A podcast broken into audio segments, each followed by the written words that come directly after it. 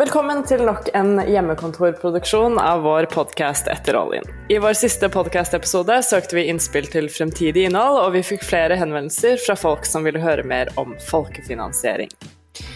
I dag har vi derfor besøk av Dealflow, representert ved COO Ole Bernhard Larsen og daglig leder Stine Sofie Grindheim. Ole er en ung og lovende mann med mye erfaring. Han har tidligere jobbet i S-banken og vært med på å bygge opp deres plattform for verdipapirhandel. Før han i 2017 ble med i Dealflow og har vært med på hele reisen der. Ole er COO og er kundemannen i Dealflow. Ole har tre nydelige barn, har jeg fått fortalt, og en nydelig fru har jeg også fått fortalt, men favoritten hans hjemme er nok den firbeinte attpåklatten Bajas. Stine Sofie er ny daglig leder i Dealflow og kom dit fra DNB. Hun har jobbet med det meste innenfor verdipapirer, alt fra gullderivater til valutahandler. I DNB Markets jobbet hun med digitalisering og innovasjon, og hun var også bedriftsrådgiver for oppstarts- og vekstselskaper før hun kom til Dealflow nå i mars. Selv om hun ikke er født eh, der, eh, der er det likevel Bergen som nå er hjembyen. Stine Sofie både bor, jobber, løper og synger i kor langs Puddefjorden i Bergen, så det er ingen tvil om hvor hun trives best. Dealflow og Folkeinvest er de to største aktørene innen aksjebasert folkefinansiering i Norge. Dealflow har base i Bergen og har eksistert siden 2017. Folkeinvest har som kjent base i Trondheim og har eksistert siden 2015. Begge selskap representerer svært tung kompetanse og håper på å få til en god samtale om temaet folkefinansiering av egenkapital. Stående applaus for Ole og Stine Sofie. Takk, takk. Nei, det er jo glimrende. Tusen hjertelig takk, og velkommen skal dere være. Eh, stor stas at vi får til å lage en podkast eh, sammen, og at dere hadde både tid anledning og lyst til å bli med. Eh, vi pleier jo, når vi begynner eh, podkast-sendingene våre, å eh, dele og sende Twist-posen rundt bordet. Og det er jo litt fordi vi, vi har en forkjærlighet for Twist i Folkeinvest. og pleier vi å snakke litt etterpå i pausen og sånn om hvilken twist var han og hvilken twist var hun og sånn. Så vi hører gjerne både fra Stine Sofie og Uh, Ole, Sier du Ole Bernhard eller Ole, Ole Bernhard, Ole? Reagerer på begge to, så det okay. var den som faller deg inn. Vi får høre både begge fra begge to, da, hvem som, er, uh, hvem som liker hvilke twister. Vi kan begynne med Stine Sofie, da. Ja, uff, mitt uh, forhold til sjokolade og forhold til Twist generelt kanskje er vel at jeg tar det for. Jeg liker alle. jeg tror jeg har veldig mange favoritter. Det er sikkert sånn, ja Alt med karamell, alt med marsipan, spesielt kokos. Ja, nei, det meste av den Twist-posen der går ned. Sånn lakris. Ja. Men da må jeg stille et spørsmål, fordi ja. til nå i våre episoder så er det veldig mange, overraskende mange faktisk, som liker banansjokoladen. Liker du også den? Ja, jeg spiser den òg, men den er nok ikke blant topp fem, iallfall. Bra, da har vi danket den litt ned, det er bra. Ja, jeg kan være med å utjevne det der. Hvis eh, noen andre kan få banantvisten, liksom. Så kan jeg ta ansvar for mye av det andre. Og du Ole? Mm. Jo, eh, interessant det med banan. Den, det, det er nok topp tre. Kokosbanan. Eh, så er det av og til en som heter noe med aprikos, som er med der. Den er veldig god. Den var ja, ja, ja. Men det som er kanskje like interessant, det er jo den som alltid ligger igjen. Og Det er jo den litt lange marsipanen. er det det? Ja.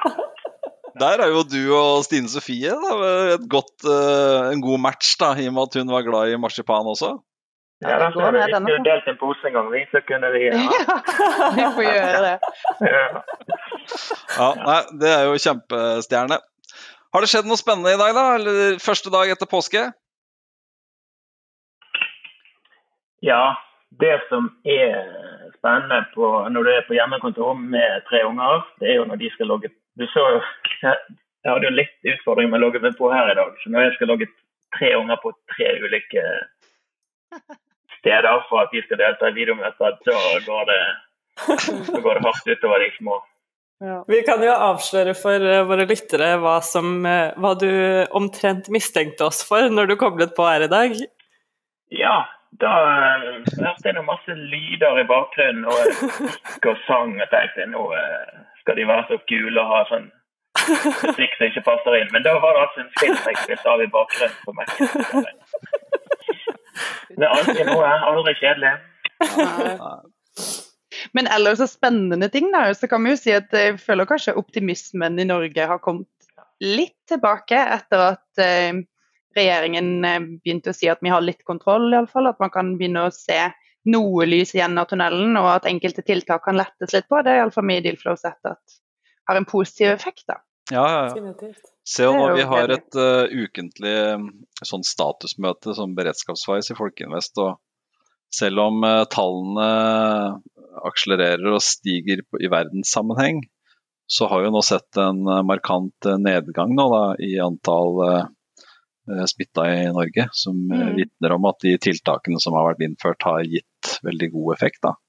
Mm. Og det snakka vi om i dag òg, Stine Sofie. At liksom, det er visse indikasjoner på at vi kan begynne å åpne opp så smått igjen, da, som, som, gir litt sånn positive ringvirkninger til flere forskjellige temaer, egentlig. Ja. Synes, men samtidig så snakka vi også litt om at det er søren meg alvorlig disse at uh, den internasjonale statistikken går stadig blir stadig mer og mer. altså Vil nok gi en ekstrem impact økonomisk, uh, denne koronasituasjonen. Absolutt. Uh, så det blir veldig spennende å se. Mm. Har dere hatt noen spennende har dere noen spennende kunder om dagen da, som gjør at det er artig å møte på jobb? Har dere? Ja, det vil jeg jo påstå at vi har. Vi har både mange som skal eh, starte sin kampanje snart. Vi er jo Blant annet har vi et legemiddelselskap som hvor du kan teste hjemme rett og slett og sende inn resultatene det det nok, ville nok vært etterspurt uansett. Men mm. de, de, kan jo også teste for uh, covid-19, så det er jo på en måte det er fort gjort det folk tenker på, men, eh, men grunnideen er nå egentlig all mulig annen testing hjemme. Ja. Så det, det, har jeg tro på. Mm. Hvordan funker det med hjemmekontor for dere?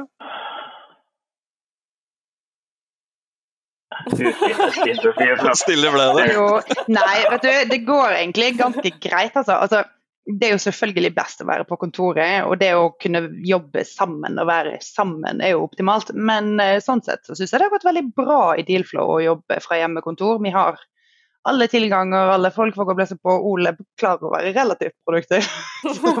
Nei, Nei det, går, eh, det går egentlig veldig fint. Og for min del, da, så um, Jeg har jo eh, ingen hund og ingen barn. Jeg har kun en samboer, men jeg føler det er mer enn nok å hanskes med i disse perioder. Altså De som har små barn hjemme og skal ha hjemmeundervisning, jeg skjønner ikke hvordan de får dette til. Nei, vi ser En del av våre kunder har liksom fått økt behov for utradisjonell møtetidspunkt. da. Mm. Fint om vi kan ta det litt før. Ok, før ni, liksom. Ja, gjerne på morgenen. mm. ja, nei, så Vi merker at det er mange som syns det der er uh, veldig krevende. Jeg syns kanskje det, det, mest krevende er uh, å utøve lederskap. da. Så digitalt lederskap, det syns jeg er litt krevende. altså Vite hvordan folk har det da, sånn mellom eh, øktene sine, og hvor, hvor hardt det kan rammes liksom, av situasjonen. Det syns jeg har vært veldig krevende. Da. Ja, definitivt. Mm. Men det har jo ja, ja. slår meg også hvilken enorm eh, sånn tilpasningsevne vi har. da. Ja. Det, mm. det, nå er jo det liksom Tenker ikke mer over det. Videomøte halv ni, og så går det slag i slag. Ja. Og så, så vi er jo heldige sånn sett som er digitale begge to. sant? Altså mm. Både i Trondheim og Bergen. Så er jo mm. vi sånn sett veldig godt skodd for å kunne håndtere det hjemmefra. Ja, absolutt. Definitivt. Jeg tror man kommer til å komme styrket ut av hele hjemmekontorsituasjonen med tanke på at man blir flinkere på å samhandle digitalt. Mm. Det tror jeg er godt. Men jeg tror vi skal hoppe videre, videre. til uh, vår lille seksjon der vi ber om at våre gjester skal fortelle en historie. Om det er en seier, et nederlag, en artig tur, deres beste investering, deres dummeste investering. Historien velger dere selv, uh, og denne gangen ønsker jeg gjerne at begge to deler en historie. Har dere noe å bjuda på? Ja. Ole, har du, å begynne, eller skal jeg begynne?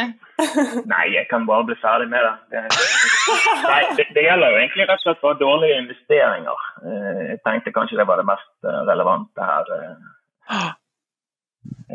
Klavis Pharma var jo en aksje før, for ti, ti år siden kanskje. De, det var rett og slett snakk om at her skulle vi kurere den verste formen for kreft. Og alt sto jo og falt på to eh, teststudier, altså tester som de hadde gående. Og eh, Vi diskuterte det om vi skulle selge eller om vi skulle bli sittende. og jeg, Alle de som var med da, ville selge, men jeg fikk trumfet gjennom at nei, nei, nei, nå kommer resultatene. Eh, da viste det seg at her eh, hadde null effekt. Og når du får en og de, disse testresultatene de er jo på en måte nådeløse. i, Det står bare er ikke påvist noen effekt. Altså ingenting. Og da datt det jo 98 på en dag. Så var det historie etter det. Så man har jo lært at eh, men hva tenker du etter det? Det er jo en veldig spennende historie. Jeg tror det er mange flere enn de som innrømmer det, skal vi si det sånn, som har gått på litt sånne lignende ja. tilfeller. Det er klart at det er ekstra surt når man overtaler alle de andre til å, ja. til å holde, holde, stand. Men hva lærte du av den episoden, eh, føler du? Nei, sikkert ingenting. Jeg har jo glemt nå. Nei, jeg har jo lært at eh, for, På den tiden hadde vi jo en fin gevinst av 60% så vi burde jo selvfølgelig solgt og vært klar. Mm. Men ofte så er jo griskheten råder at du, du, er redd for å gå glipp av de siste hundrelappene, og så taper du alt. Mm. Så kanskje det å, å ta, en, eh, ta, en, gevinst når du kan, kan være lurt. Jo, men det er jo en fair gamble da, Ole. Det, man må jo ta litt risiko av og til. Ja da. Hadde det gått bra, så kunne det jo gått helt sinnssykt bra. Ja. Da hadde jeg sluppet å sitte her, for det Sluppet? det gikk, gikk dårlig. I alle dager. Ja. Har du en historie? ja, det, den her er rett og slett eh, skikkelig fæl. Jeg kjenner meg nesten flau over å si det. Altså. Neida. Men um, i alle fall nå som leder av et verdipapirforetak. Gud hjelpes. Men min første strategi da når jeg skulle kjøpe aksjer i min ungdom, veldig mange år siden, jeg har blitt veldig mye klokere siden dette her, det var rett og slett at jeg tenkte at hvis aksjen er skikkelig skikkelig billig, altså hvis det koster veldig lite per aksje, så har det sikkert dritmye potensial. da. Det kan bli bra. Oh, ja. Så jeg valgte rett og slett, jeg sorterte på de aksjene som koster minst per mm. aksje. Mm. Så tenkte jeg det her, ja, leste litt om noe, de bare ja, ja, dette er sikkert gode greier. Så jeg kjøpte meg inn i en tre-fire selskap, da egentlig kun på bakgrunn av at de var lav pris per aksje. Mm. Det var jo små poster i tillegg, så det var helt idiotisk. Kurtasjen ga jo ikke mening i det hele tatt eh, mm. på det der greiene der. Så det har jeg fått veldig mye tid for i ettertid. Det var, jeg solgte meg ut av noen av de posisjonene, og så seinere så ble jo ting eh, åpna opp, at man kunne se inn i porteføljen til folk, og da lå vel to av de liggende igjen. Det har jeg fått mye hets for. Fullt berettiget. Dårlig strategi. Men vet du jeg syns de to historiene da er utrolig uh, Det er jo selvfølgelig ikke tilfeldig valgt ut sikkert når dere har forberedt, men veldig aktuelle den dag i dag. Det er jo ikke, er jo ikke noe sånn at dette her er uh, kunnskap som er av moten. Uh, mm til den siste historien der, så opplever jo mange som tar kontakt og syns at aksjen er litt dyr, altså 60 kroner aksjen, sant. Uh, og ikke tenke på at hva selskapet egentlig er verdt, at det er en sammenheng med hvor, uh, hvor mange kaker som er kake, mange kakestykker kaka er mm. delt opp i, har liksom en mm. veldig viktig betydning da, for, for, lytterne våre å, å tenke på. Én ting er jo hvor stor kaka er, og en annen ting er jo hvor stort hvert enkelt kakestykke er. Mm. Og til den, um, til den, andre episoden til Ole der med å, at aksjehandel handler jo om å kjøpe aksjene billigere enn man selger dem. Og det er utrolig vanskelig å treffe helt i bunn og helt på topp hver eneste gang. Det er veldig mye lettere å sitte i baksetet og si at man traff helt på bunnen, og at det, blir, det har blitt liksom en litt sånn kultur i Norge, da, syns jeg og kanskje hele verden, at, at, alt liksom går ut på å være best. da.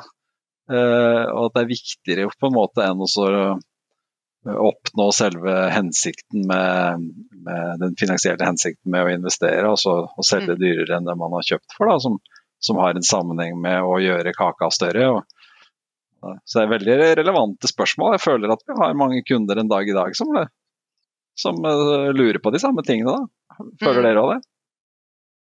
Ja, litt. Og det jeg iallfall eh, opplever litt nå i korona, både blant eh, kunder og venner og bekjente, det er jo gjerne at folk, folk skal inn på det der, da, spekulere. Er vi på bunn nå? Er vi på topp nå?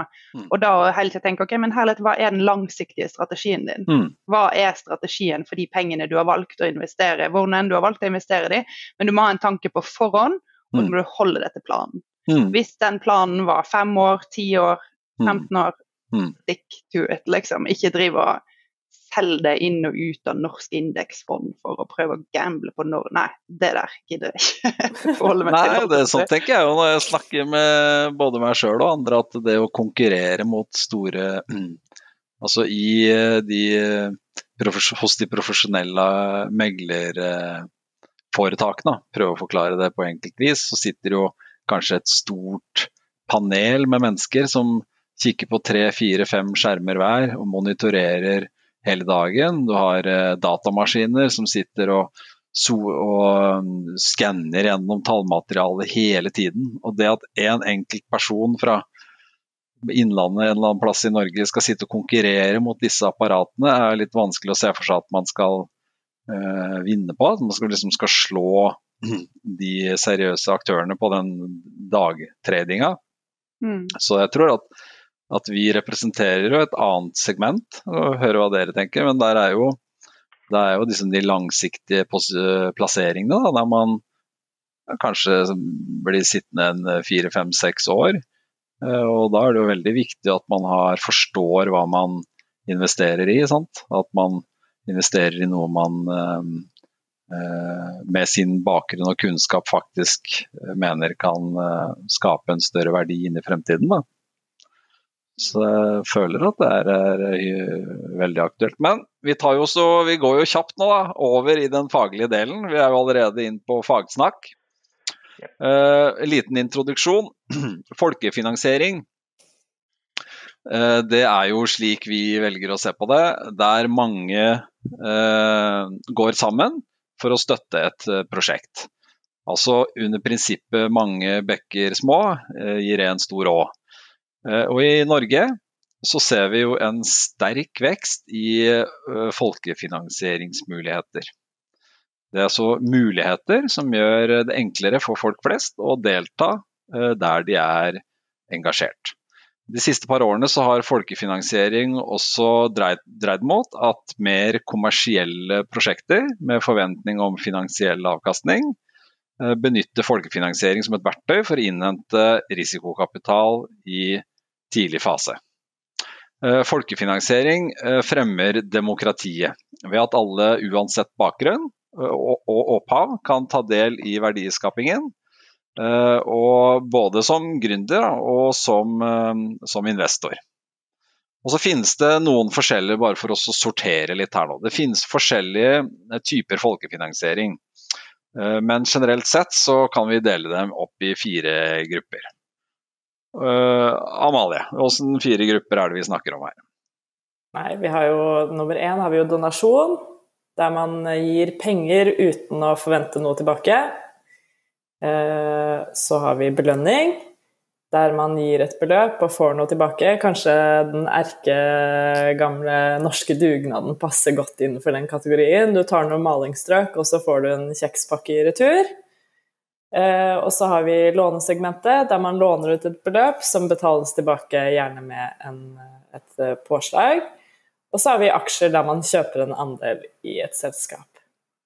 Ja, og dette her eh, segmentet her da, som kalles for alternativ kapital på fint språk, det er kraftig økende globalt. Det er kraftig økende i Europa, i Norden og i Norge.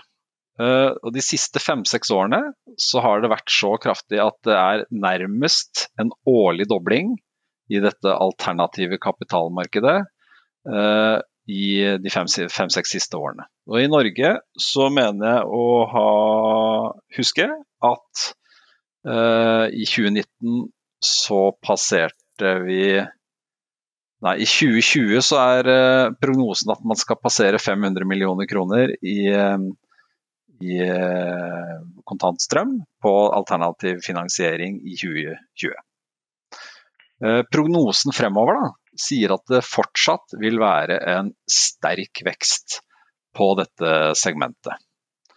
Og folkefinansiering av aksjer det gir jo en fantastisk gode ringvirkninger for samfunnet. Der eh, befolkningen gis en reell mulighet til å være med å eie morgendagens eh, arbeidsplasser.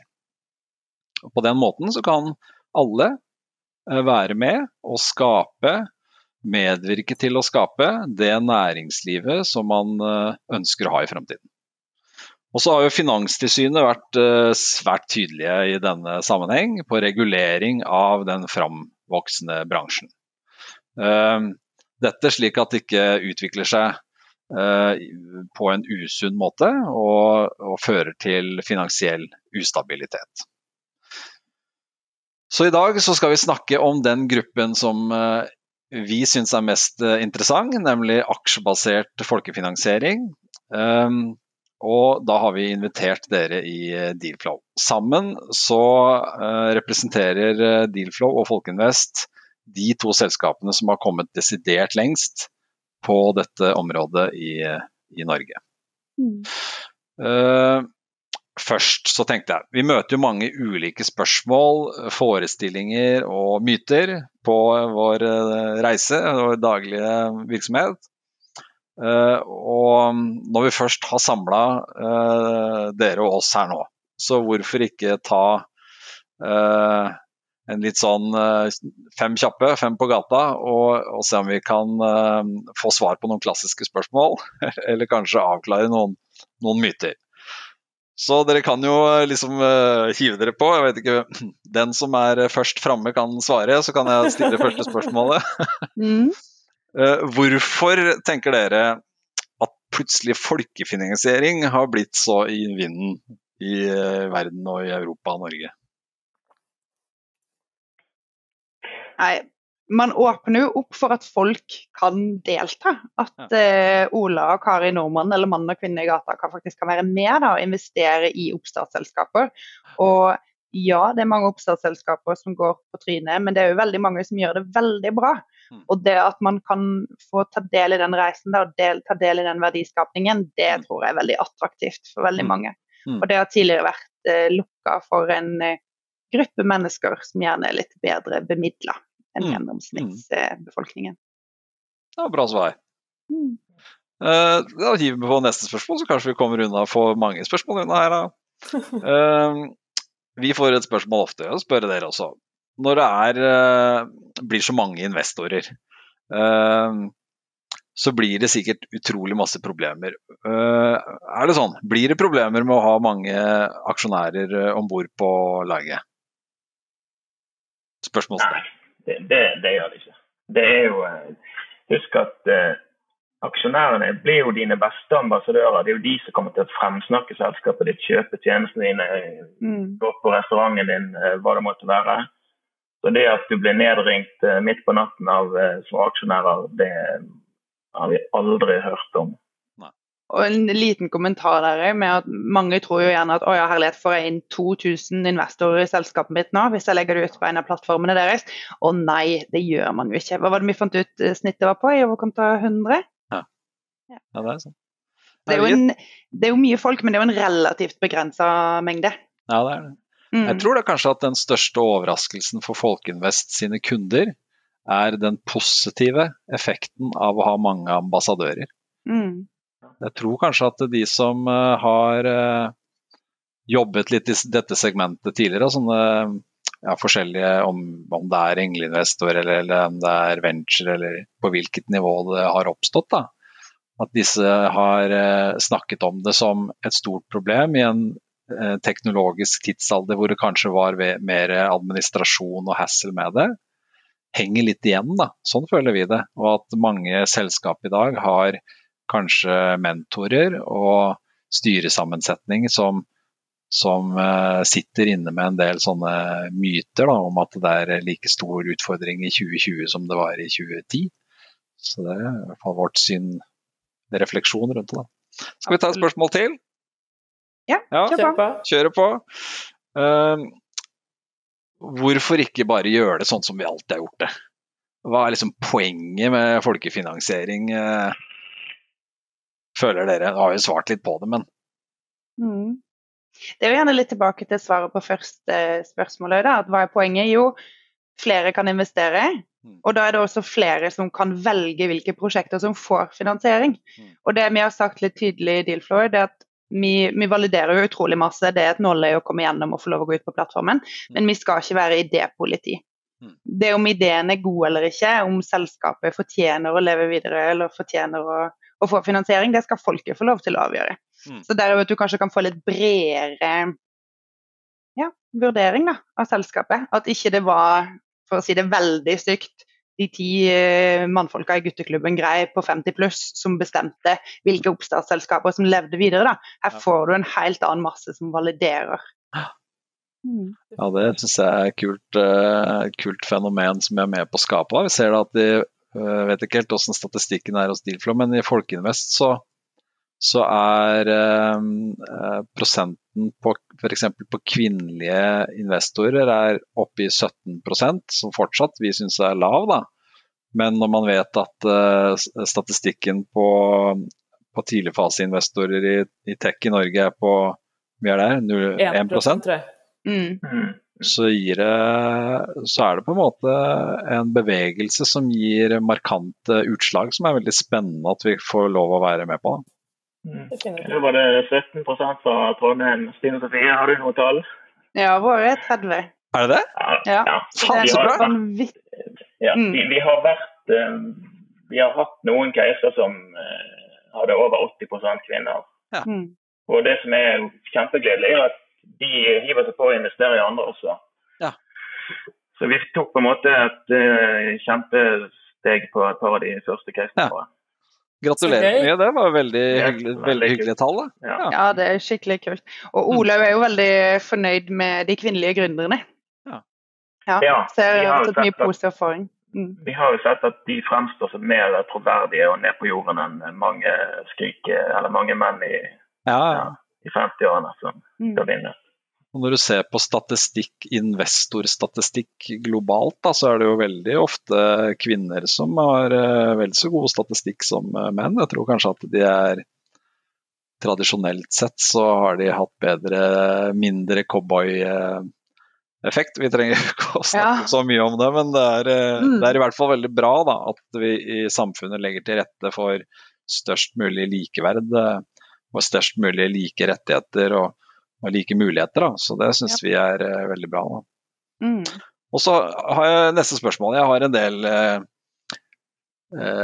tungt uh, utdanna venner på økonomifeltet som typisk sier Det har jo vært sånn. Har du et bra prosjekt, så får du penger uansett. Det er ikke noe vits i dette her folkefinansieringskonseptet. Hva er, kommentar, hva er kommentaren deres til det? Nei, for det første, hvordan, hvordan kan de vite det egentlig? Hvis eh, prosjektet ikke får finansiering, da får man jo aldri vite hvor bra det var. Så mm. Det er nå det første. Sånn at eh, Prosjekter som får penger, trenger ikke nødvendigvis, eller som ikke får penger, trenger ikke nødvendigvis ha vært dårlige. Mm. Eh, og videre så vil jeg jo si at Vi som er født på 70-tallet, Øyvind, vi har jo helt sikkert bekjente som har uh, garasjen full av hva det heter, Herbalife. Og, og det at mange giver seg på en ting, trenger heller ikke være et tegn på at det er en god idé. Uh, jeg vil si at det er lettere å nå ut med de gode prosjektene nå. Du når mange flere til en lavere kostnad. Det er nok den største fordelen med, med plattformene sånn som vi har gjort det nå.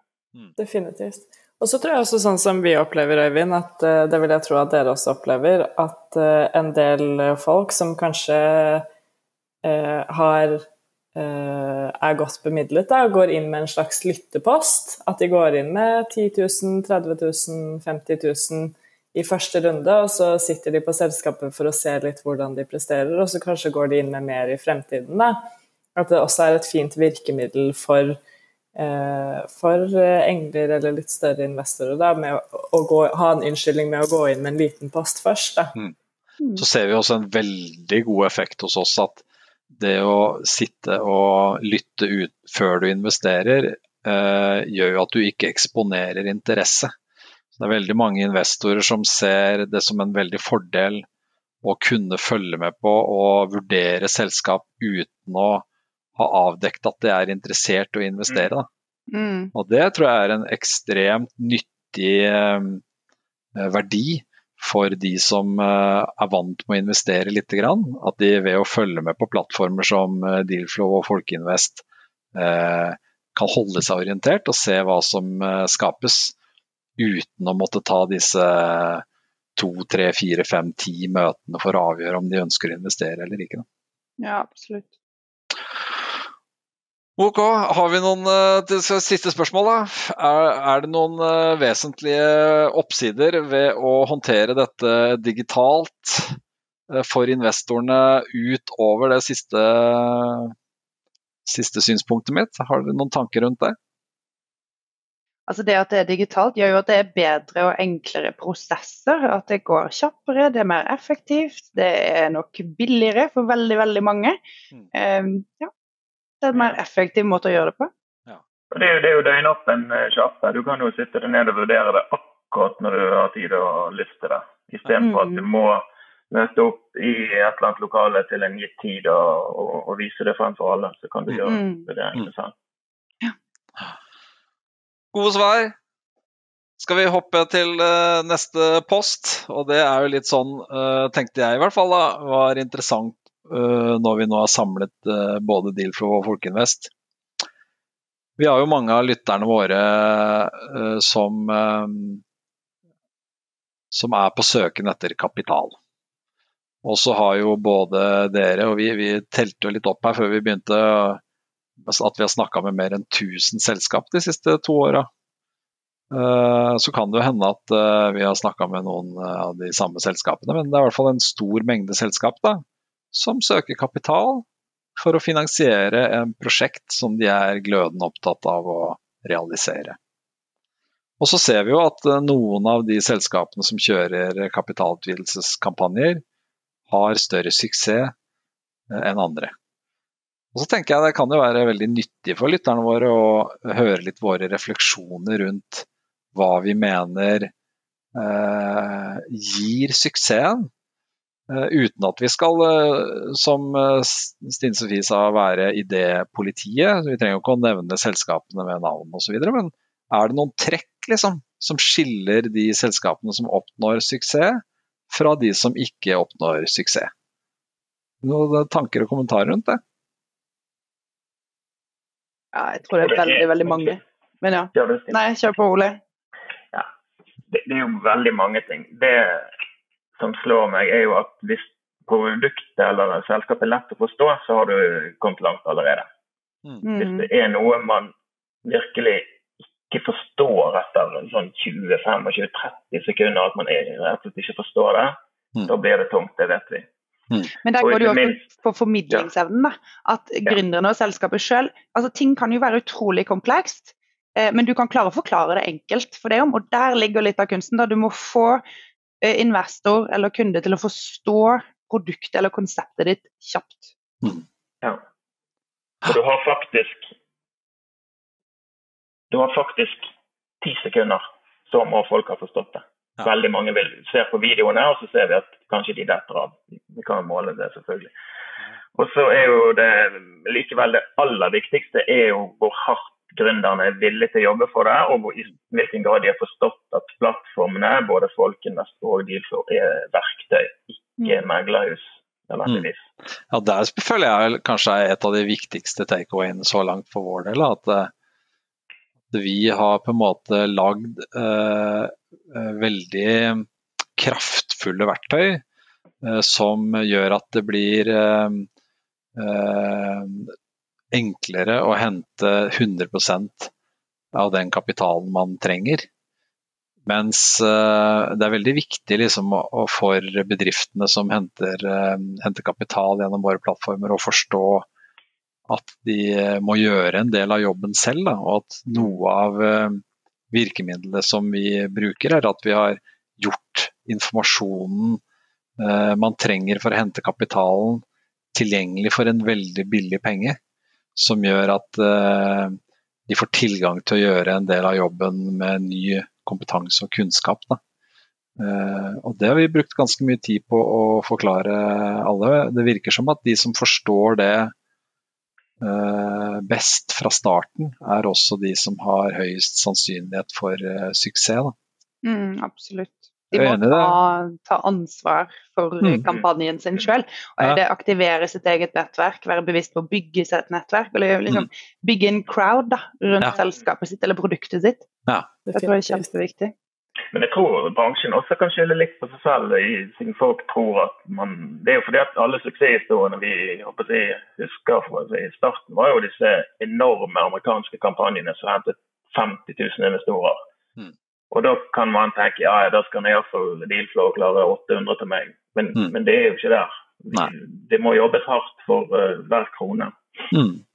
Definitivt. Ja. Har du noe å legge til der, Amalie, du som uh, snakker med flestparten av uh, kundene?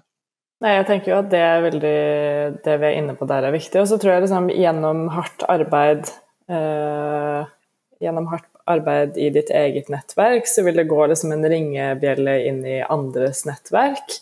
At du viser standhaftighet mens du har et åpent tegningsvindu, vil være tillitsvekkende. Da, da skjønner de at å ja, det er sånn her du vil stå på når du skal drive selskapet ditt fremover også. Da.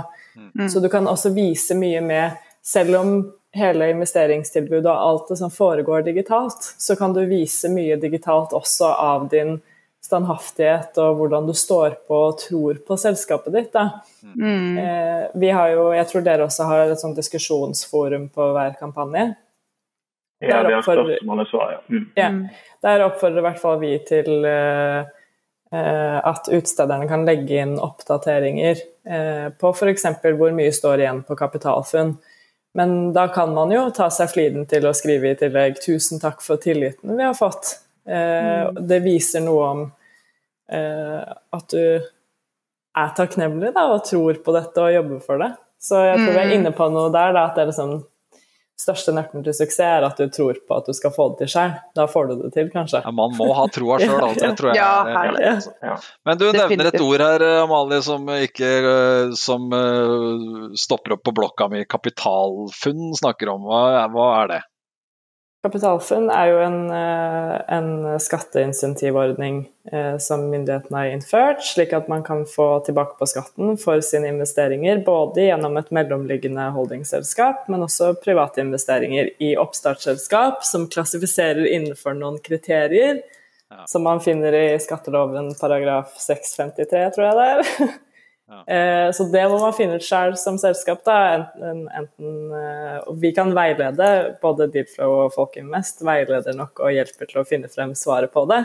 Men eh, bruker du ikke, bruker du ikke mm, et verdipapirforetak som Folkinvest og Dealflow, så kan du også finne ut av dette sjøl, men det kan alltid være fint å høre med noen, da. Mm. Om du, om du klassifiserer. Og så må man jo, man jo rapportere, man må rapportere det inn da, for å få det utløst det er viktig å liksom sette seg inn i det før man lover det til eh, nye investorer, slik at man vet at man kan følge det opp i etterkant. Da.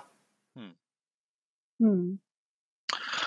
Ja, det ser det at det er, vi uh, har noen spennende statistikk da, på, på, forskjellige ting.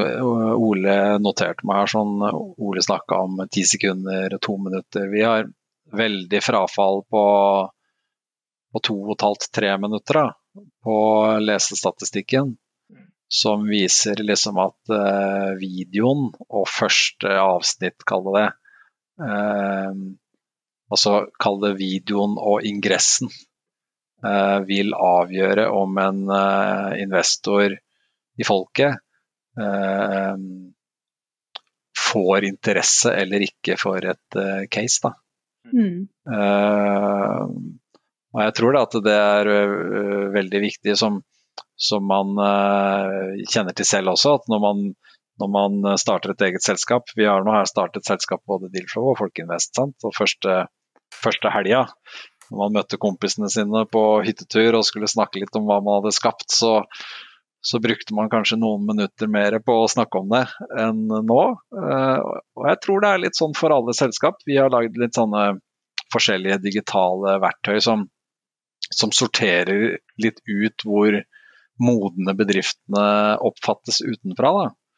Uh, og det er typisk hos oss også, sånn som, uh, sånn som Ole nevnte som et uh, viktig kriterium, hvor, hvor, effektiv man er på å formidle man, hvilket problem man forsøker å løse, på en måte. Da.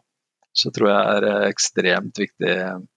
Jeg tror en av utfordringene man møter der, da, er at man utvikler jo ofte sitt eget lille sånn stammespråk da, når man holder på med sitt eget selskap. Og så Eh, er det kanskje veldig forståelig for eh, deg og de som jobber i selskapet, og noen nærstående av selskapet. Og når man da plutselig skal ut i mange som kommer fra forskjellige kulturer, forskjellige bakgrunner, eh, forskjellige regioner, så er, krever det en helt annen eh, formidling enn det du kanskje kunne gjort hvis du sitter på en inkubator i Oslo da, og folk kjenner til dels til, så kan du mm. snakke om det på en annen måte. Da. Så det er noe med å forstå at nå nå kan du nå ut til veldig mange da, som sitter på helt andre plasser, sitter på helt annen kunnskap enn det du sitter på. Mm. Og tenker på dette som et helt nytt eh, investorsegment. Da. Mm. Vi, vi, opplever veldig ofte at selskapene går litt i produktfellen også. De snakker veldig mye om produktet. Ja. sitt. Produkt, produkt, produkt. Men ja. det de skal selge, er jo selskapet, og, og hva, det, hva, får man igjen for 50 000? Hva er 100 000 igjen? Mm. Ja. Absolutt. Og der òg så tror jeg noe vi eh, jobber med å bli flinkere med eh, selskapene på, å pushe de utfordre på, det hva er investeringsobjektet? En ting er selskapet og hva du skal gjøre og visjonen og reisen, men helt konkret investeringsobjektet. Hvorfor er det verdsatt til denne prisen? Hva får man igjen for å putte pengene sine inn her? Eh, når skal dere gå i break-even? Hva er utbyttepolicy? Altså, I Norge er jo at vi begynner å bli litt mer sånn hardcore på hva er investeringskriteriene her, og hva ja. er caset da etterpå. Jeg tror vi har litt, eh, litt å gå på. Og sånn som, sånn som nå, sant? hvor eh, de fleste verdipapir har eh, dundra ned Mm. Så driver jo så oppstartsselskapene og konkurrerer med rentepapirer og uh, de største selskapene på børsen uh, når man snakker om dobling av investeringen sin. Så det er på en måte hva, hvor, uh, hvor god er investeringen sammenlignet med alle de andre investeringsmulighetene som, som ligger i samfunnet. Da. Og det tror jeg mange syns er tøft å svelge innimellom. Da. Så det er liksom man konkurrerer faktisk. Vi pleier å sammenligne litt uh, når vi skal gjøre det folkelig, da, og sammenligne uh, plattformen med at vi har lagd en 7-Eleven. Der vi har en rekke stamkunder som er innom. Uh, et kassasystem og et, et handler-team som håndterer dette her på en veldig effektiv måte. Da. Og så får eh, kundene, eh, de som skal selge, hente inn penger, muligheten til å plassere et produkt i 7-Eleven-butikken. Eh, og så tenker jeg at Grunnen til at jeg bruker den sammenligninga i noen sammenhenger med noen kunder, er jo at det, det, da blir det litt lettere å forstå at de selger både Stratus og, og Cuba inne, inne, på den butikken, men det er jo liksom markedsføring og hva folk eh, har lyst på og sånn, som bestemmer litt om de kjøper Cuba eller Stratos. Da. Og jeg tror at det, det gir mange litt sånn økt forståelse for eh, arbeidet som må legges i sjøl også. Da. Ja, absolutt. Nei, du skal få folk til å velge å legge pengene sine i ditt selskap. Mm. Det er ganske stor avgjørelse folk skal ta der, så det er ikke noe som bare renner inn av seg sjøl. Definitivt. Mm. Dette har vi jo heldigvis, eh, Øyvind. Både Folkenest og Dyrfjord har jo noen som eh, stort sett eh, tar et lodd i alle selskaper. At, ja. de, at de, gjør det på den måten. Mm. Og det er jo, Vi trenger jo de, og de, de får vi aldri nok av. Men Absolutt. det er klart, man skal jo ha litt flaks også med hva som foregår i verden. Noen ganger treffer jo selskapet ditt planken av helt årsaker som ikke kan kontrollere engang. Men mm, mm. du kan bli rammet tilsvarende hardt. Mm. Ja, sånn som Koronaen har jo rammet noen beinhardt. Det er sånn. Nei, ellers så syns jeg en veldig kul, uh, kul effekt Når du er inne på hva som er kule effekter av det vi holder på med, da, så syns jeg det er litt sånn artig at man tilgjengeliggjør kapitalinnhenting for uh, alle bedriftene. Altså om du kommer fra i Vadsøbukta mm. eller fra Mjøsa eller fra Kvinestad, så er det på en måte Alle har litt like muligheter da, til å hente inn kapitalen. og det synes jeg sånn Distriktspolitisk så er det jo veldig ofte sånn at, at mange av de gode håndverkerkunnskapen i å skape fremtidige Eh, eksporterende arbeidsplasser ligger jo ofte utenfor byene. da. Mm. Og den utfordringen med at de som, eh, de som, er bosatt og jobber i distriktene, ikke har like tett eh, dialog og tilgang med de kapitalsterke miljøene i storbyene, syns jeg er litt artig at vi rokker litt ved. Da. Så vi syns det er veldig spennende når vi får eh, selskap som kommer litt fra distriktet, som, eh, som tar kontakt da, nettopp for å synliggjøre hvilke muligheter som ligger der. Og Samtidig så ser man jo at de som kommer fra, fra storbyen ofte har større nettverk. Da. Så det er ikke fortsatt utfordrende. Det holder gjerne med én investor fra Austevoll. Hvis det fra en eller annen laksekommune, så er det gjerne nok med én. Ja. Fair point. Nei, men det er jo akkurat det at ting blir liggende side om side på våre plattformer på helt like vilkår. Mm. Um, så det skaper jo gode muligheter både for selskapene og for investorene hvis man skal gå inn i det. Det, ja, det, er, sånn. det er veldig bra. Nei, skal vi hoppe videre? Gjør det. Kjør på. I hver episode så ønsker vi at gjestene skal gjøre noen begreper, eh, finansielle begreper, forståelig for folk flest. Så vi har laget en liten del på programmet som vi liker å kalle 'Finans for eh, dummies'. Så da tenkte jeg å stille et spørsmål til hver av dere. Vi kan begynne med deg, Stine Sofie. Hva er utbytte? Ja, det mystiske utbyttet. Nei, det er jo da den delen av overskuddet i en bedrift som de velger å utbetale til aksjonærene sine. Og som oftest, altså hvis du har inntekter og du har kostnader, og så går det i pluss, så er det den andelen av det overskuddet som du da velger å betale ut til de som er eiere i selskapet.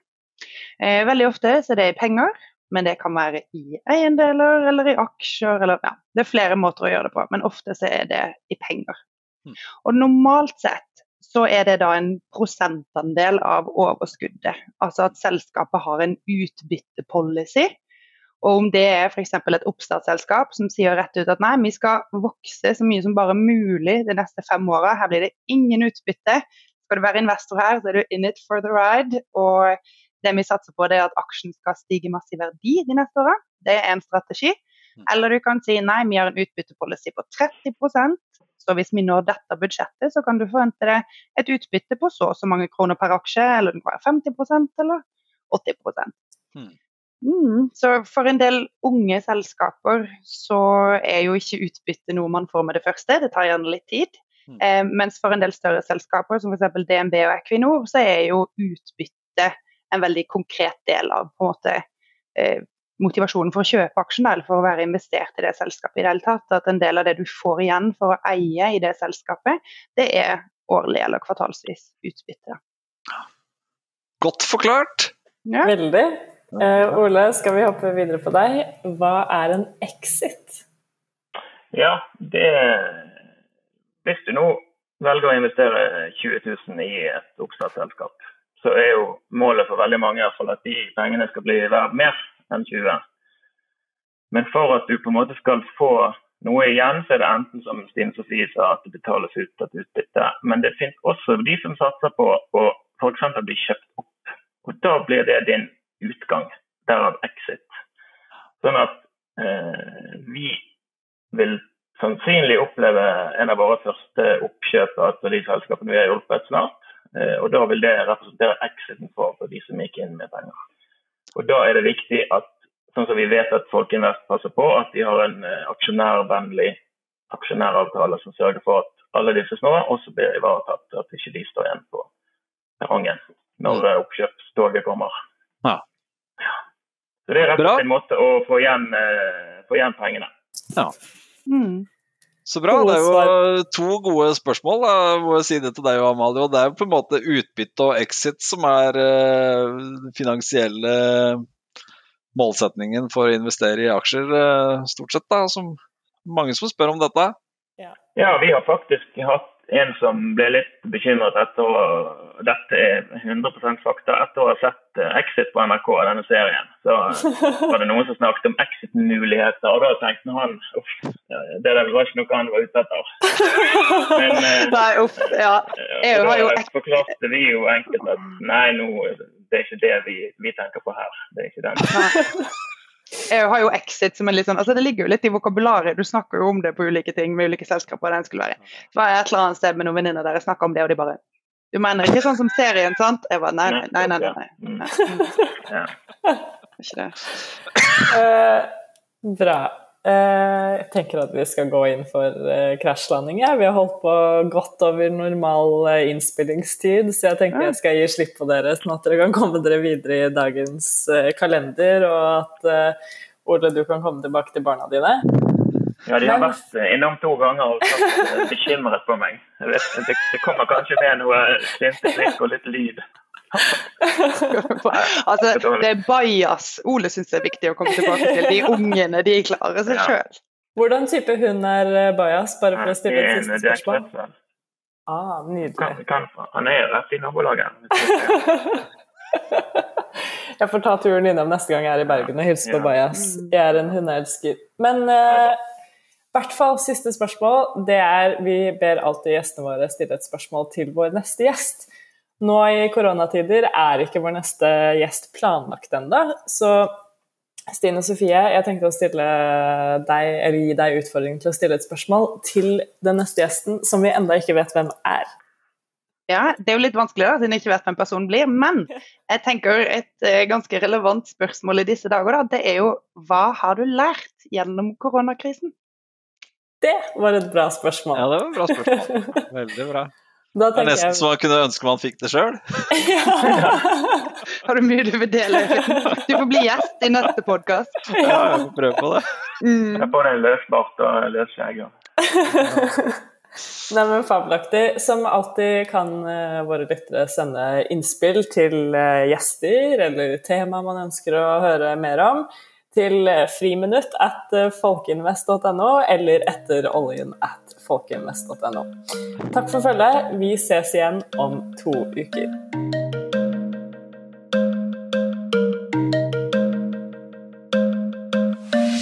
Du har nettopp hørt en episode av Etter oljen, en podkast fra Folkeinvest. Podkasten er produsert av Next Hero og Sonic Media. Husk å abonnere på podkasten i din favorittpodkast-app så får du neste episode rett i appen.